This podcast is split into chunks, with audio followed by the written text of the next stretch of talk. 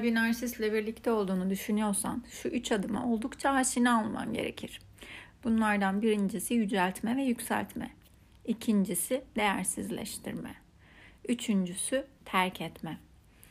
Bu üç aşamadan eğer sağ salim çıkabilirsen artık kendine dönüp kendinle gerekli çalışmaları yapabilirsin diyebiliriz. Ama bunların birincisinden dolayı ikincisi içerisinde takılıp kalırsan çok uzun yıllar ya da çok uzun zaman kendini suçlayarak, kendini sevmeyerek bir döngü içerisinde sürekli karşındaki insanı mutlu etmeye çalışarak, onun kurallarına uyarak, onun yaptırımlarından dolayı üzüntü ve acı çekerek bir e, yaşam süreci geçirirsin. Bundan dolayı bu üç aşamayı iyi anlaman çok önemli. Birinci aşamada yükseltme ve yüceltme dediğimizde narsist senin karşına çok güzel bir masal kahramanı gibi çıkacak ve sana tamamen senin özelliklerini önceden analiz ederek öğrendiği senin özelliklerini ayna gibi yansıtarak sana sanki bir liste yapmışsın ve hayatının aşkının nasıl olması gerektiğini talep olarak iletmişsin ve bu kişinin nasıl olması gerektiğine göre birisi o kişiyi üretmiş, imal etmiş, ortaya çıkarmış ve sana göndermiş gibi hissedeceksin. Yani kesinlikle senin olması gerekenler listende ne varsa ya da seni mutlu eden özellikler ne olacaksa bu kişide tam onları göreceksin. Aa o da bende var, aa bu da bende var. Ne kadar benziyoruz, ne kadar aynıyız. Bu işin içinde bir birisinin parmağı mı var ya da ilahi bir güç mü var, kozmik bir bağ mı var, ruh eşi miyiz, ikiz alev miyiz her şeyi hissettirecektir sana. Çünkü tamamen seni önceden analiz edip zayıf yanlarını, ihtiyaçlarını, muhtaç olduğun duyguları çok iyi şekilde kavrayıp sana hepsine sahipmiş gibi davranacak. O yüzden sen de kısa sürede kapılacaksın ve ondan sonra tam bir güven hissettiğin zaman, kendini teslim ettiğin zaman da ikinci aşamaya geçilecek. Ama bu birinci aşamanın süresi tamamen senin ne kadar mesafeli olabildiğine ya da ne kadar e, umutsuz şekilde o ihtiyaçlarını muhtaç şekilde o ihtiyaçlarını hissettiğinle alakalı değişiyor. Çok uzun sürmemesi gerekiyor. Çünkü onlar kolay sıkılıp ya da istediklerini elde edemeyince başka hedeflere yönelebilirler. Ama istediğini elde edemediği sürece de bunu kamçılanma olarak hissedip biraz daha avını kovalayabiliyorlar da. O yüzden de bu sürenin uzun ya da kısa olması sizin koyduğunuz mesafe ya da bir anda kendinizi teslim etmenizle alakalı. Yani tanışma evresindeyken gördüğünüz özellikler aslında o kişide var olan özellikler değil. Sizin ihtiyacınız, sizin zayıf noktalarınız, sizin istek duyduğunuz özellikler. O yüzden de eğer imkanınız olur da konuşursanız başka başka e, geçmiş partnerleriyle şunu çok net görebilirsiniz. Hepsi tam aradığım insandı. Çok büyük bir aşk yaşamıştık. Çok e, ilk başta çok hızlı yükseldi. Çok e, her şey istediğim gibiydi. Bir anda bozuldu ne oldu anlamadım gibi şeyler söyleyebilir. Ve böyle özelliklerini sorarsanız da şunu ifade edeceklerdir. Sanki hmm, hepsinde farklı detaylar yakalarsınız. Yani şöyle bir insanın eğer bir duruşu, bir tarzı, bir karakteri varsa tutarlıysa herkes de bunu sergiler. Üç aşağı beş yukarı.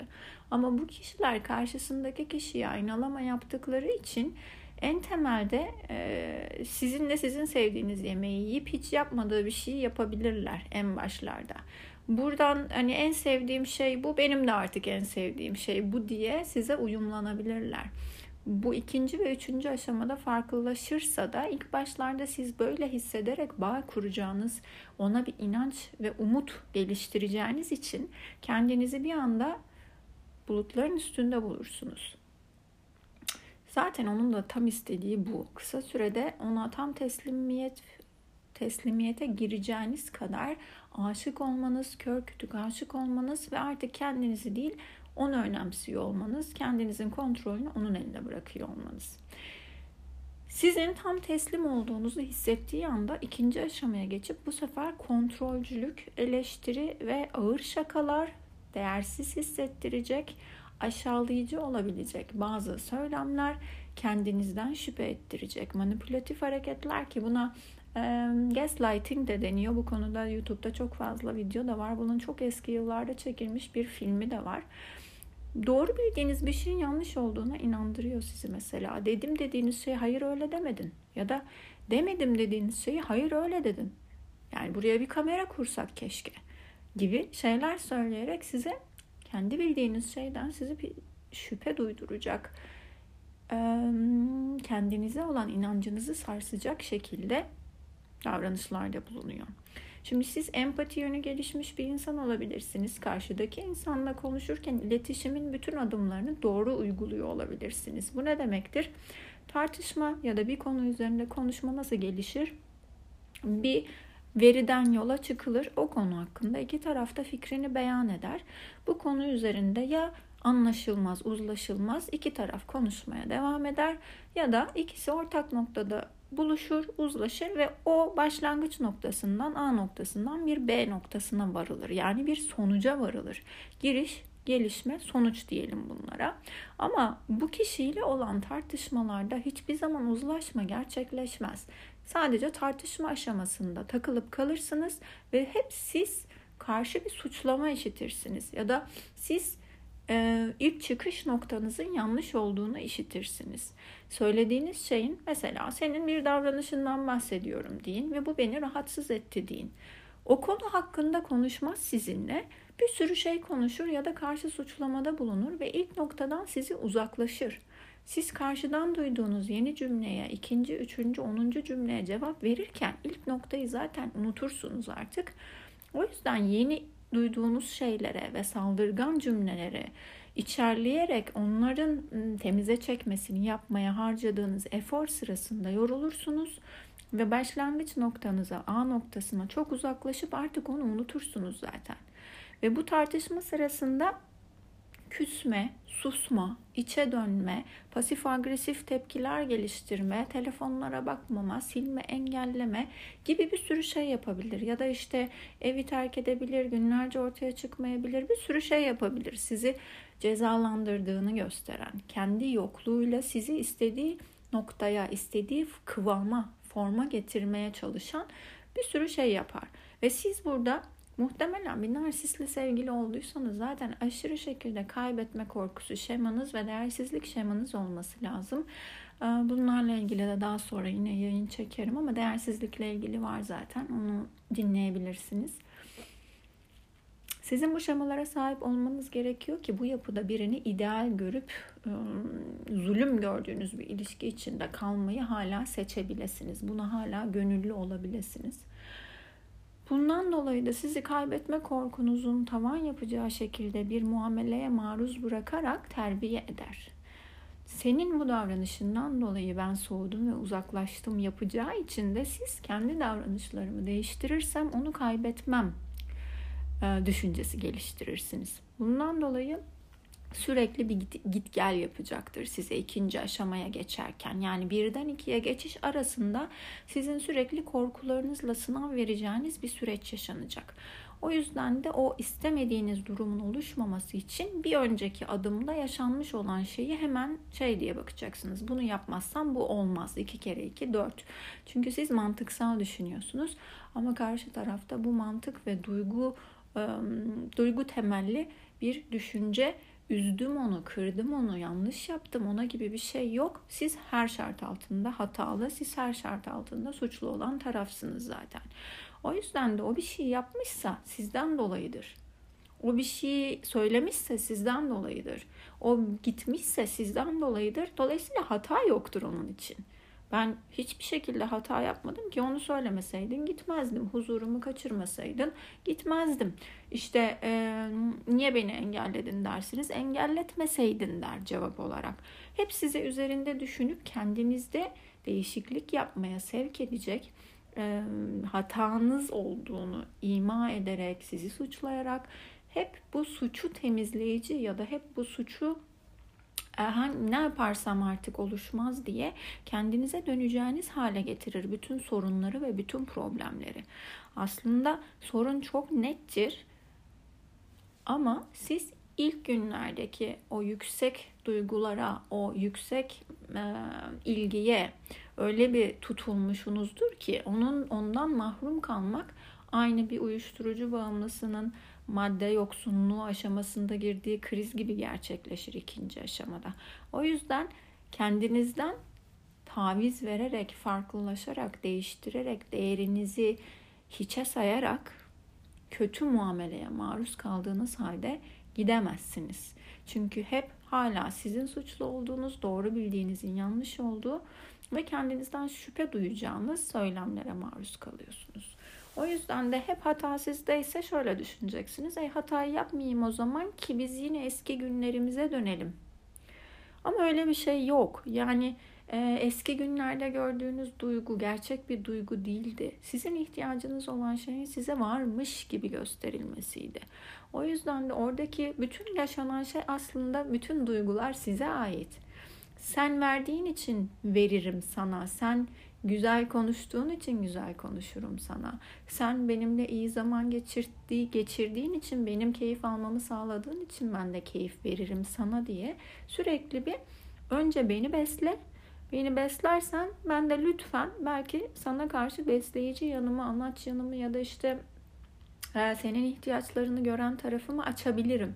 İkinci aşama tamamen bundan ibaret. Yani sürekli bir suç ve ceza gibi işliyor orada. Yaptım, ettin, buldun. Yaptım, ettin, buldun. Sen bunu yaptın, ben bunu yaptım. Hep böyle bir şiddetli bir tenis savaşı gibi, tenis maçı gibi. Hani o topların zaman zaman kafanıza vurulduğu falan böyle öc alır gibi, düşmana davranılır gibi. Zaten bir kavgada en iyi hissedeceğiniz şey de kızdığı anda sizi tamamen o diyelim ki 3 yıldır, 5 yıldır, 10 yıldır ilişkiniz var ya da evlisiniz.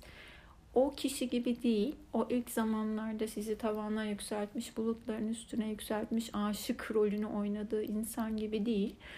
Sen benim için çok önemlisin. Neler söylediyse o aşk cümlelerindeki muhatap sizmişsiniz gibi değil tamamen kanlı bıçaklı düşmanmışsınız gibi bir yabancılaşma hisseder. Hiçbir şekilde aranızdaki bağ o anda yoktur. Yeter ki bir kere kızdırın. Yeter ki bir kere istemediği bir şey olsun. Sizi kontrol edemediğini hissettiği anda onun kurallarını uygulamadığınızı ya da sınır koyduğunuzu hissettiği anda bir düşmanlaşır ki size. Yani insan sinirlenince siniri doğrultusunda belki farklı kelimeler kullanabilir ama ahlak çerçevesinde ya da işte e, saygı çerçevesinde olabilir bu. Yine sinirin dışa vurulması sağlıklıdır. Öfkenin dışa vurulması sağlıklıdır. Burada şiddete kadar uzanabilecek şeyler yaşayabilirsiniz. Sözlü şiddete varacak durumlar yaşayabilirsiniz. Küfür duyabilirsiniz. İşte bir şeylerin fırlatıp atıldığını görebilirsiniz. Yani Tepkiler bir birimlik olayın tepkisi yüz birimlik, bin birimlik şiddet ya da bin birimlik ceza şeklinde gerçekleşir. O yüzden inanamazsınız, şok geçirirsiniz. Zaten uzun süre stres hormonu üretince de beyin unutkanlık başlıyor. Ee, pardon beyin değil vücudunuz uzun süre kortizol ürettiğinde beynin bazı bölümleri bloke oluyor ve bu blokeler de kısa süreli hafızanın unutulmasına sebep oluyor. Bu yüzden de içinde bulunduğunuz anları net kaydedemediğinizi ve zaten karşınızda sürekli size sen yanlış hatırlıyorsun, hayır canım ben de oradaydım, öyle olmadı, böyle oldu diyen yazıştığınız mesajlar dahi olsa mesela elinizde kanıt bile olsa o kanıtı reddedecek daha e, söylemler duyabilirsiniz. O yüzden onlarla tartışmak, uzlaşmak, dediğim gibi konuşarak anlaşmak falan bunları unutun. Üçüncü aşamaya geçmeden önce bu süreç çok uzun da olabilir, çok kısa da olabilir. Sürekli tartışılıyorsa e, eğer daha iyi bir kaynak bulacağını düşünüyorsa sonlandırır. Ama siz onu çok iyi şekilde besliyorsanız bu arada hep gizli narsistten bahsediyoruz. Açık narsiste bu kadar böyle örtülü ya da gizlenen durumlar yok. Gizli narsistlerin büyük bir tehlike olmasının sebebi de zaten çok normal gözükmeleri ve ne olduklarını çok iyi saklamalarından dolayı. O yüzden normal zannediyorsunuz. İşin içine girdikten sonra da artık alışkanlık oluşmuş oluyor. Ve ilişkiyi bitirmek bu kadar zaman emek verdim diye çok zorlaşıyor. Bu ikinci aşama içerisinde bir de çok kullandıkları yalnızlaştırma var. Sizi hiçbir şekilde kendi çevresinde, kendi arkadaşlarıyla zaman geçirerek bulunmanızı istemez. Kendi arkadaşlarınızdan, ailenizden, herhangi bir şekilde çevrenizde bulunan insanlardan bir şekilde sizi kopartmak için garip garip şeyler yapar. E işte o arkadaşınla ne kadar da çok görüşüyorsun, ne yapıyorsunuz bu kadar? İşte dedikodu mu yapıyorsunuz ya da ne gereksiz yani bu kadar çok görüşmek falan diye böyle imalı şeyler söyler. Sizin aklınıza soru işareti uyandıracak, rahatsız olduğunu belirten. Ondan sonrasında da isterseniz görüşün yani. Her görüştüğünüzde mesela garip tepkiler verebilir, huzursuzluk yaratabilir. Onun huzursuz olduğunda çok negatife döndüğünü bildiğiniz için de siz bu sefer görüşmeyeyim ki tadımız kaçmasın gibi kendi kendinize farklı davranabilirsiniz ailenize, arkadaşlarınıza karşı. Hiçbir zaman direkt olarak görüşmeni istemiyorum. Onu yapma. Böyle giyinme. Böyle şeyler söylemez net iletişim kurmadığı için siz de sen istediğinde yaptım dediğinizde ne alakası var ben sana öyle bir şey söylemedim ki der. Ama o anlama gelecek her şeyi söylemiştir ve sizin anlamamanız için beyninizin çalışmıyor olması gerekir. Düşünün mesela bir arkadaşınız var. Onunla her buluştuğunuzda akşam evde kavga çıkıyor. Ya da onunla her buluştuğunuzu söylediğinizde 3 saat ne yapılır ki? 4 saat ne konuşulur ki? Hiç de anlamıyorum bu kadar. Ne buluyorsunuz birbirinizde falan gibi şeyler söyler. Ve siz oradan onun bu görüşmeye onay vermediğini hissedersiniz. Ondan sonra da arkadaşınızla ister istemez mesafe koyarsınız ve bir süre sonra sosyal hayatınızda değişiklikler olur. Bunların ismi de yalnızlaştırma. Sonrasında tartışmalar falan başladığı zaman eğer ortak tanıdıklar varsa ortak tanıdıkları size karşı doldurur. Yani birlikte tanıdığınız, tanıştığınız insanlara başka davranıyor zaten. Onların en tipik özelliği. Onlarla çok iyi, onlarla mükemmel, en yardımsever o. En düşünceli o. En en en en en en her şey o. O yüzden siz onun olumsuz bir yönünü yani evde gördüğünüz, özel hayatında gördüğünüz bir yönünü öfkeliyse, aşırı kontrolcüyse, sebepsiz şeylerden kavga çıkarıyorsa ya da çok kabalaşıyorsa, sizi aşağılıyorsa bunlarla ilgili bir şey söylediğinizde kimse size inanmaz. Hatta şöyle derler, şöyle derler. Psikologları bile kandırabiliyorlar ya da boşanma avukatları bir kişinin narsist olma şüphesiyle eşi şikayetle geldiğinde boşanmak istediğini bildirdiğinde kimse narsist olduğu yönünde ya da bu olumsuz özellikleriyle ilgili ifade vermiyor. İfade vermiyor çünkü bu özelliklerini onlar hiç görmemiş oluyor. O yüzden de siz böyle e, akıl zorlayan iddialarda bulunduğunuzda aa o mu ya ne kadar iyi bir insan ne kadar herkesin sevdiği bir insan herkesin yardımına koşan bir insan gibi gibi kendinizi tamamen yalan suçlamada bulunuyor gibi bir pozisyonda buluyorsunuz. Bundan dolayı da mutlaka kanıt ve delil olması ya da sizin söylediklerinizin dışında en yakınlarınızla yaşadığınız bu psikolojik istismarı, şiddeti ya da farklı şeyler yaşıyorsanız mutlaka olduğunda konuşmanız lazım. Ama genelde şu yapılıyor, utanılıyor ve e, bu tip şeylere maruz kaldığı halde ilişkiyi sürdüren taraf olarak kişi bunları söylemekten çekiniyor. Çünkü söylerse bitirmesi gerekecek, doğru olanı yapması gerekeceği için ve buna bağımlılık geliştirdiği için kendinde o gücü, bağı kopartacak, tek başına yaşayacak, o e, geliştirdiği inanç ve umut bu ilişkinin ilk günlerindeki her şeyin tam ve istediği gibi olmasından geliştirdiği tamamen yaratımı, zihinsel yaratımı olan bir biz çok uyumluyuz ve çok seviyoruz birbirimizi. Balon algısı, yanlış algı kişiyi hep içinde tutuyor ve hep kendi yanlışından dolayı bozulduğunu duyduğu için karşı taraftan da hep ben kusursuz olursam ilişki de güzel olacak diye bir şeyin içerisinde, kısır döngünün içerisinde. Ama kendisi ne kadar hareketlerini değiştirse de ne kadar kusursuz olmaya e, çalışsa da her şeyi muntazam yapmaya çalışsa da karşı taraf hiçbir zaman muntazam e, muntazam nasıl diyeyim tam olarak mutluluk hisseden bir yapıda değil.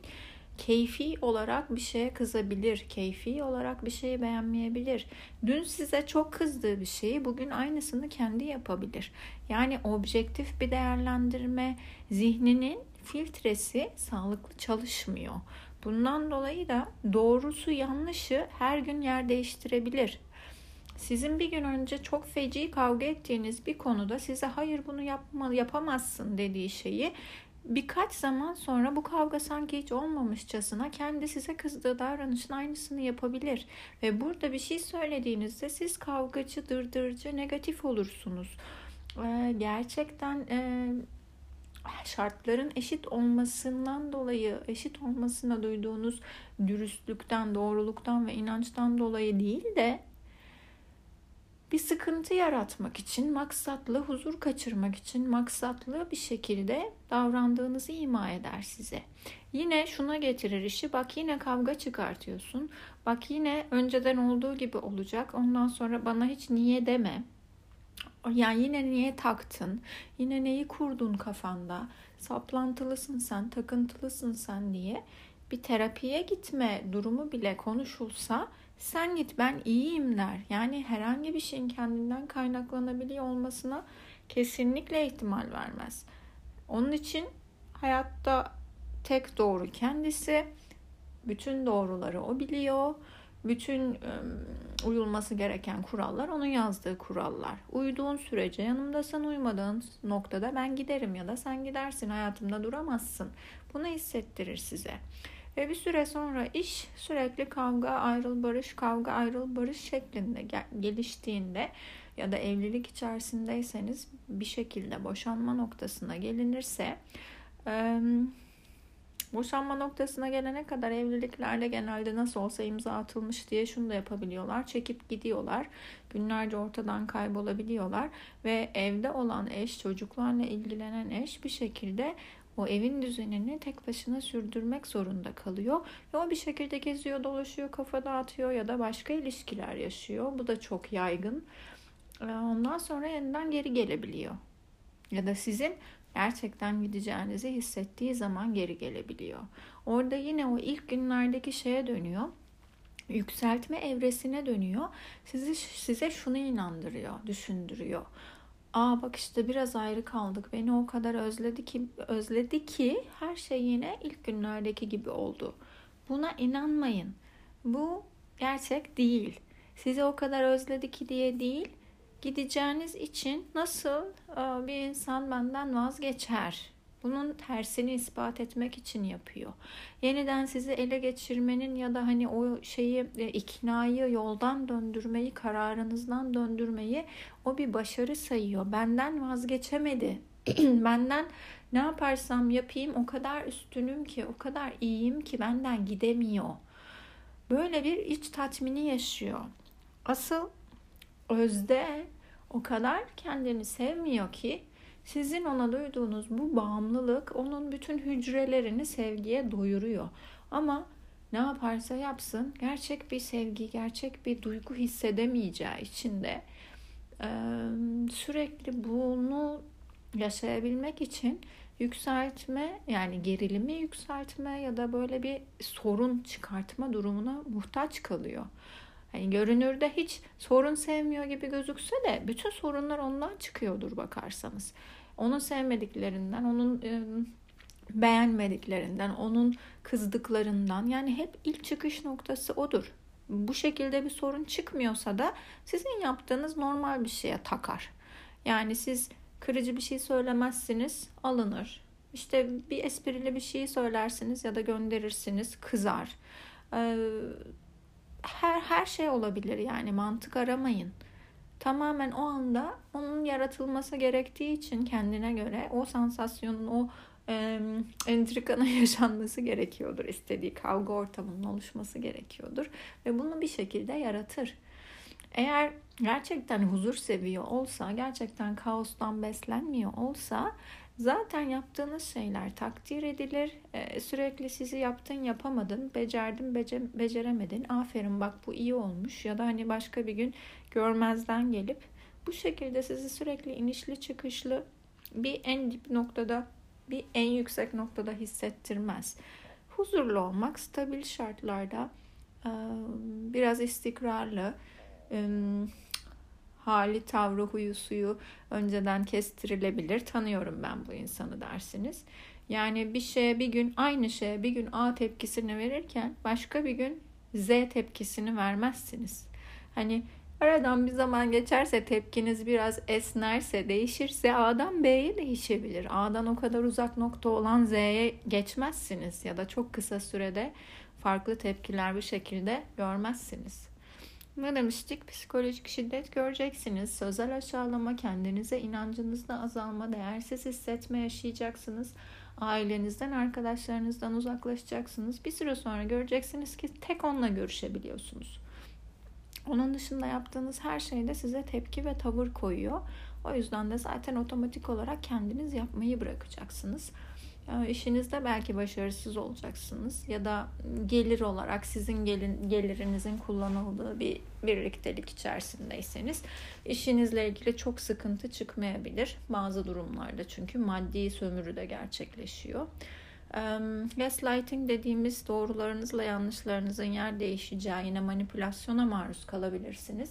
Zaten insanlardan uzaklaşıp yalnız kaldığınızda üstüne bir de bu kadar şey değersizlik, kendine güvensizlik, ben hafızam kötü, yanlış hatırlıyorum gibi hissetmeye başladığınızda sürekli annesinden babasından azar işiten doğruyla yanlışı bilmeyen bir çocuk gibi yaşamaya başlayacaksınız. Sürekli o kişinin onayına muhtaç doğru mu yaptım yanlış mı yaptım iyi mi yaptım kötü mü yaptım güzel mi yaptım çirkin mi yaptım hep onun ağzından çıkacak iki söze göre belli olacak.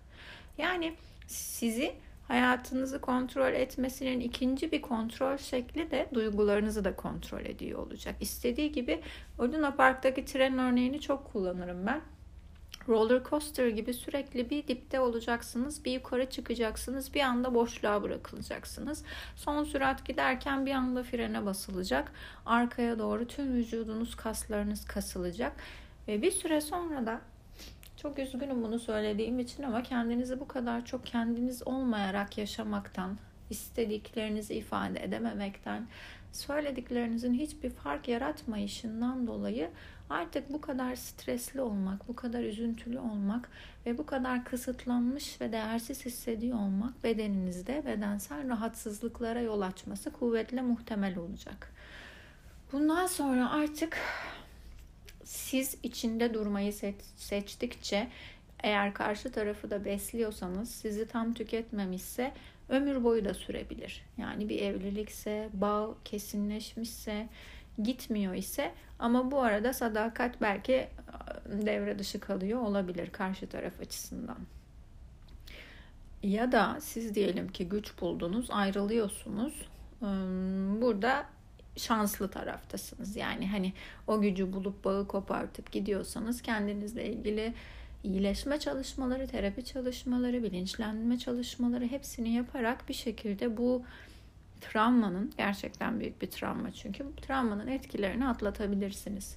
Diğer şekilde üçüncü aşamaya kendisi geçerse yani her şey onun kontrolünde gerçekleşirse siz bu ikinci aşamada o kadar çok hücresinin içi boşaltılmış bir canlıya dönüşürsünüz ki yaşam enerjiniz çekilmiş, özgüveniniz boşaltılmış, değeriniz değersizleştirilmiş, insanlardan izole edilmiş, yalnızlaştırılmış, e, güvenilirliğiniz sarsılmış, kendinize olan güveniniz de kendi içinizde sarsılmış, ailenizle de aranız uzaklaşarak mesafe girmiş.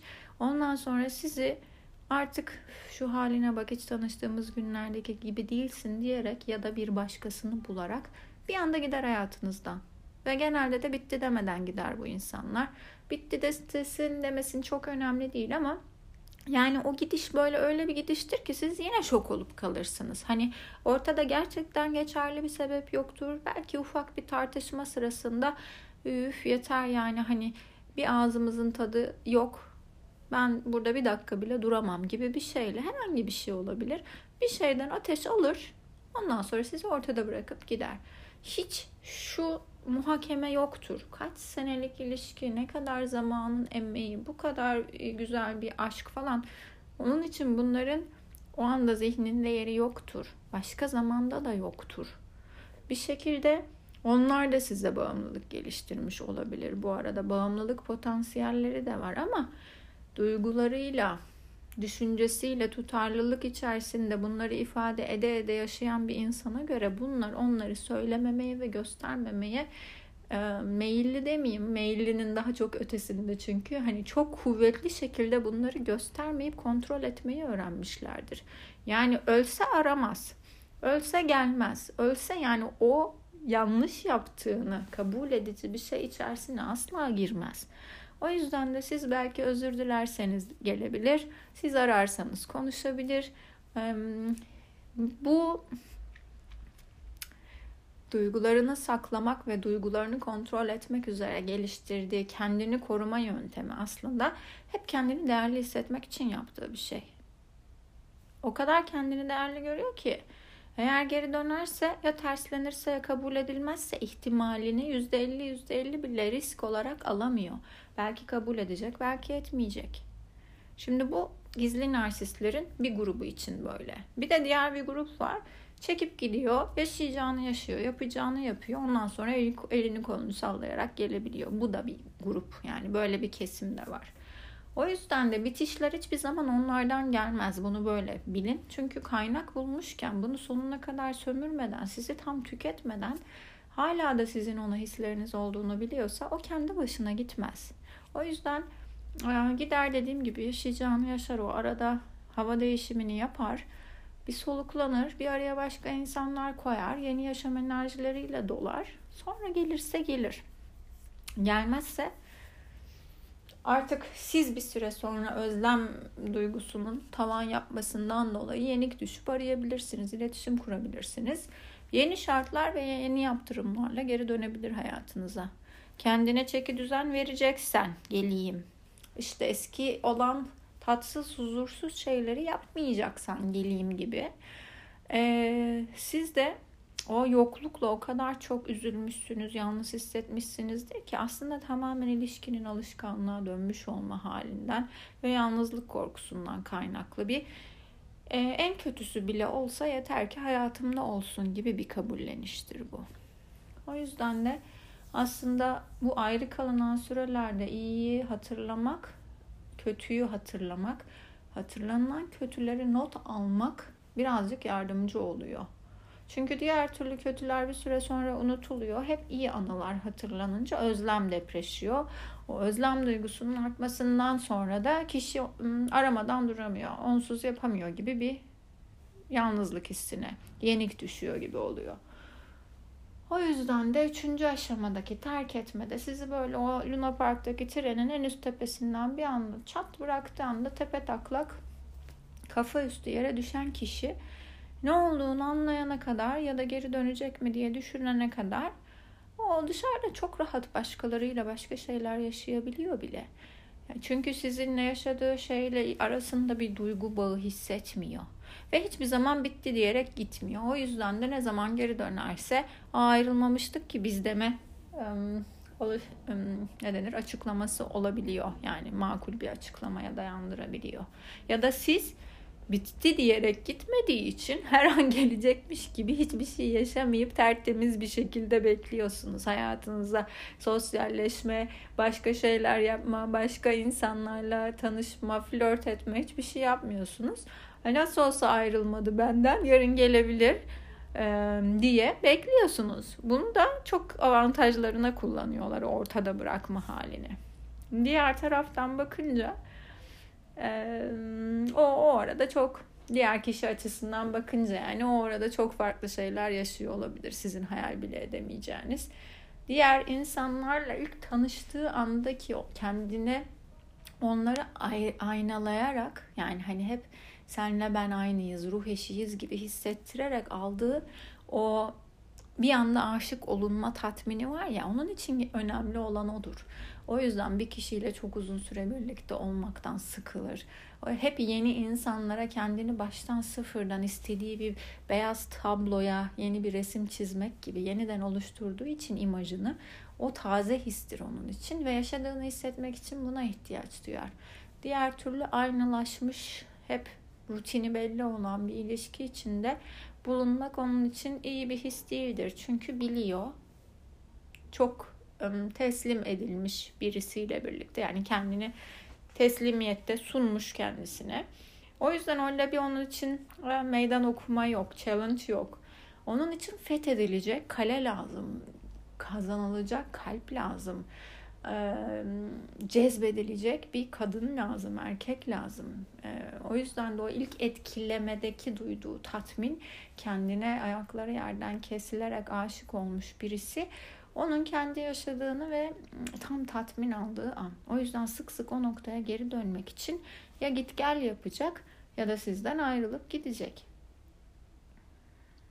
Bu ilk üç aşama çok iyi kavranırsa ilişkiniz içerisinde hangi evrede olduğunuza göre gerekli destek ve yardımı alarak sürecinizde kendinizi güçlendirip gerekli tutumu ve tavrı sergileme yönünde bilinçlenebilirsiniz.